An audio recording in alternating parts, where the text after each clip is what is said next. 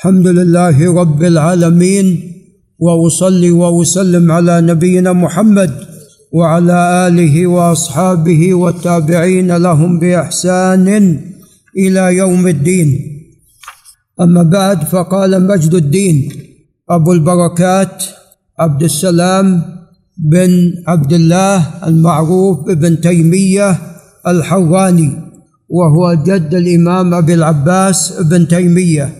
قال أبواب سجود التلاوة والشكر. طبعا قال في كتابه المنتقى من أحاديث الأحكام. أبواب سجود التلاوة والشكر. وتقدم لنا أن السجود أنواع. اولا السجود الذي يكون في الصلاة.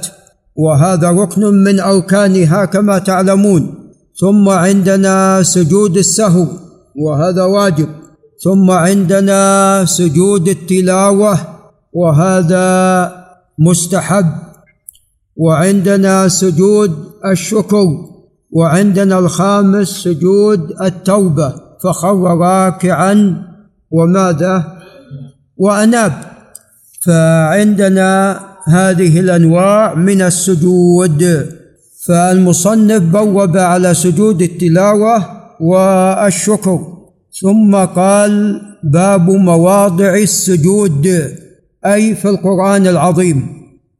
ومن ذلك في سورة الحج وصاد والمفصل جزء المفصل من قاف إلى نهايته نهاية القرآن العظيم.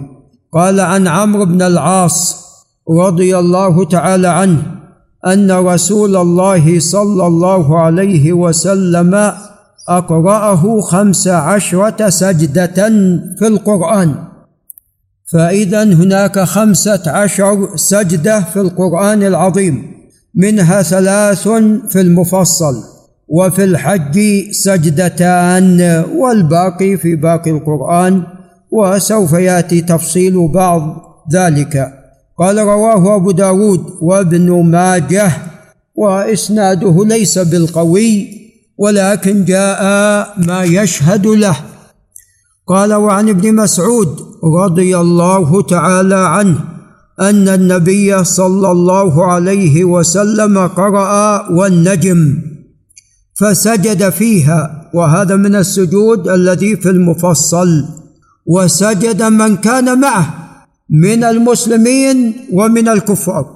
غير أن شيخا من قريش أخذ كفا من حصى أو تراب فرفعه إلى جبهته وقال يكفيني هذا كبرا نعوذ بالله من ذلك. وقد يقول قائل كيف يسجد المشركون وهم كفار؟ فالمشركون عندهم بقايا من تعظيم الله جل وعلا وبقايا بالنسبة للعرب من دين إبراهيم عليه السلام ولذا كانوا يحجون ويعتمرون ويتصدقون ويعتقون. نعم. وتقدم لنا أن قريشا كانت تصوم عاشوراء في الجاهلية. نعم. ولذا عمر رضي الله عنه في البخاري قال يا رسول الله إني نذرت أن أعتكف ليلة في المسجد الحرام في الجاهلية. قال أوفي بنذرك فايضا عندهم الاعتكاف. قال قال عبد الله رضي الله عنه فلقد رأيته بعد قتل كافرا. نعوذ بالله هذا نتيجة الكبر نعوذ بالله. متفق عليه.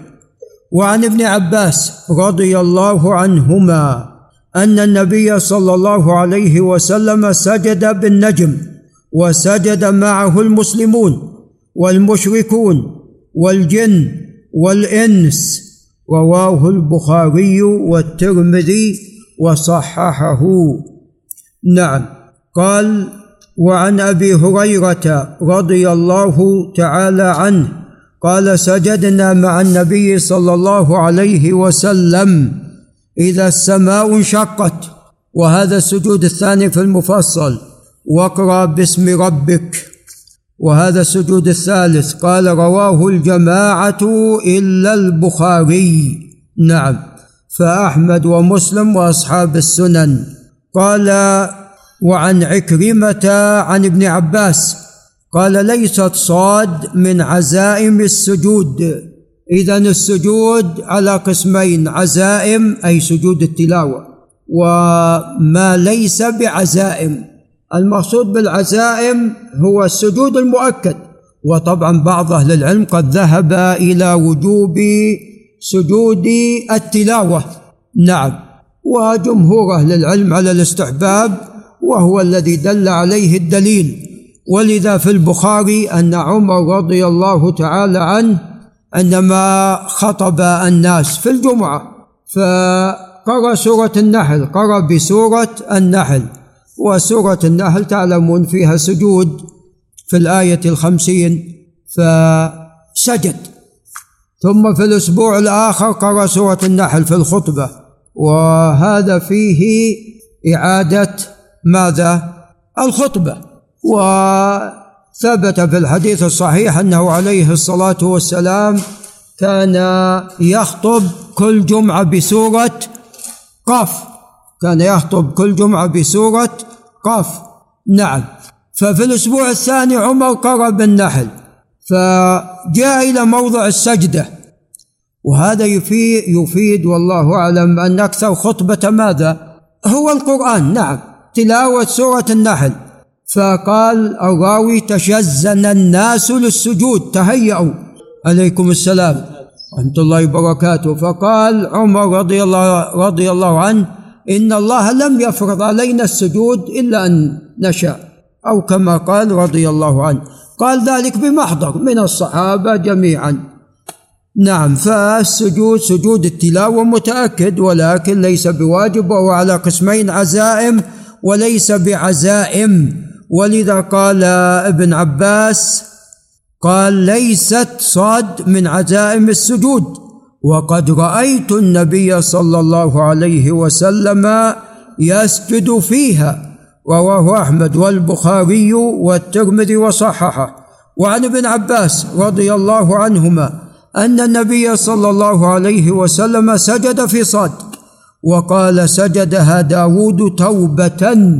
ونسجدها شكرا رواه النسائي. قال وعن أبي سعيد نعم رضي الله تعالى عنه.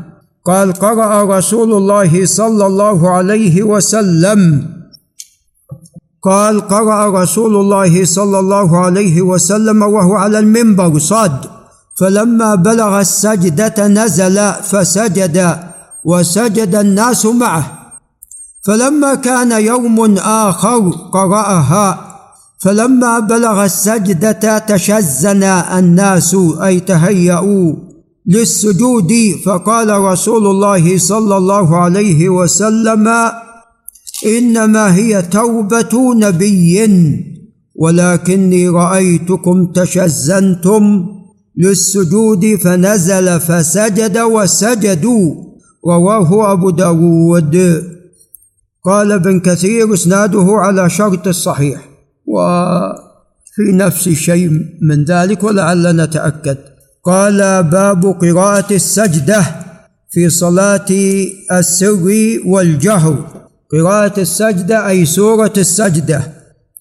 قال عن أبي رافع الصائغ قال صليت مع أبي هريرة العتمة أي العشاء فقرأ إذا السماء انشقت فسجد فيها. فقلت ما هذه؟ قال سجدت بها خلف أبي القاسم صلى الله عليه وسلم. فما أزال أسجد فيها حتى ألقاه.